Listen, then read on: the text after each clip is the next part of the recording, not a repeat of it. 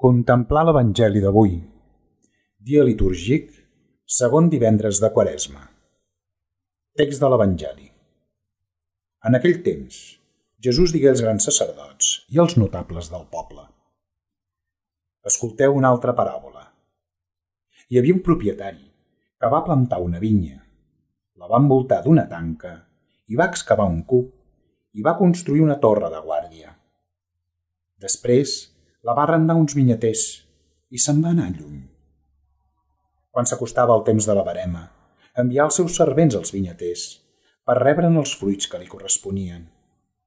Però els vinyaters van agafar els servents i a un el van apallissar, a l'altre el van matar i a l'altre van apedregar-lo.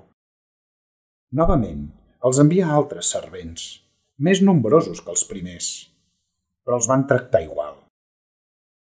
Finalment, els envià el seu fill, tot i dient-se «El meu fill el respectaran». Però els vinyaters, en veure el fill, es digueren entre ells «Aquest és l'hereu, mateu-lo i carem-nos la seva heretat». L'agafaren, el van treure fora de la vinya i el van matar. Quan vingui l'amo de la vinya, què farà amb aquells vinyaters? Li responen Farà morir de mala manera aquells mals homes i arrendarà la vinya a uns altres vinyaters, que li donin els fruits al seu temps. Jesús els hi diu, no heu llegit mai allò que diu l'Escriptura, la pedra rebutjada pels constructors, ara és la pedra principal. És el Senyor qui ho ha fet, i els vostres ulls se'n meravellen? Per això us dic que el regne de Déu us serà pres i serà donat a un poble que el faci fructificar.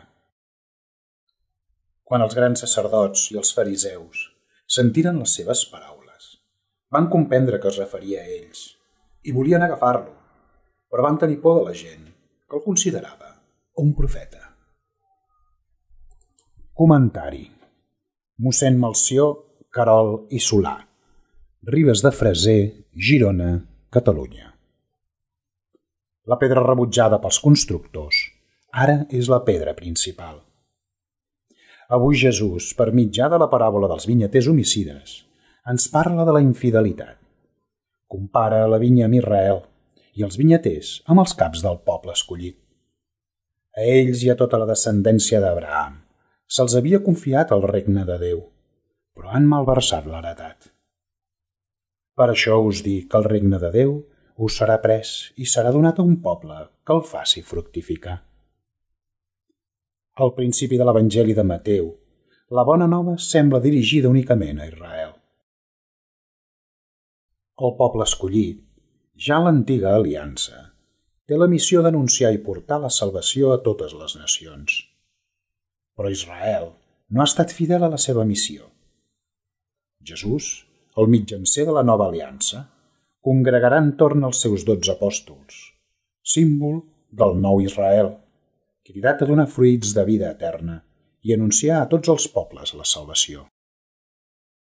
Aquest nou Israel és l'Església, tots els batejats. Nosaltres hem rebut en la persona de Jesús i en el seu missatge un regal únic que hem de fer fructificar. No ens podem conformar amb una vivència individualista i tancada de la nostra fe.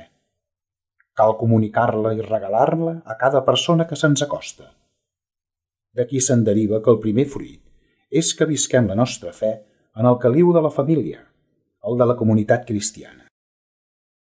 Això serà senzill, perquè on hi ha dos o més de reunits en el meu nom, jo sóc allí, enmig d'ells. Però es tracta d'una comunitat cristiana oberta, és a dir, eminentment missionera, segon fruit. Per la força i la bellesa del ressuscitat enmig nostre, la comunitat és atractiva en tots els seus gestos i actes, i cadascun dels seus membres gaudeix de la capacitat d'engendrar homes i dones a la nova vida del ressuscitat. I un tercer fruit és que visquem amb la convicció i certesa de que en l'Evangeli hi trobem la solució a tots els problemes. Visquem en el sant amor de Déu. No fos que ens sigui pres el regne i donat als altres.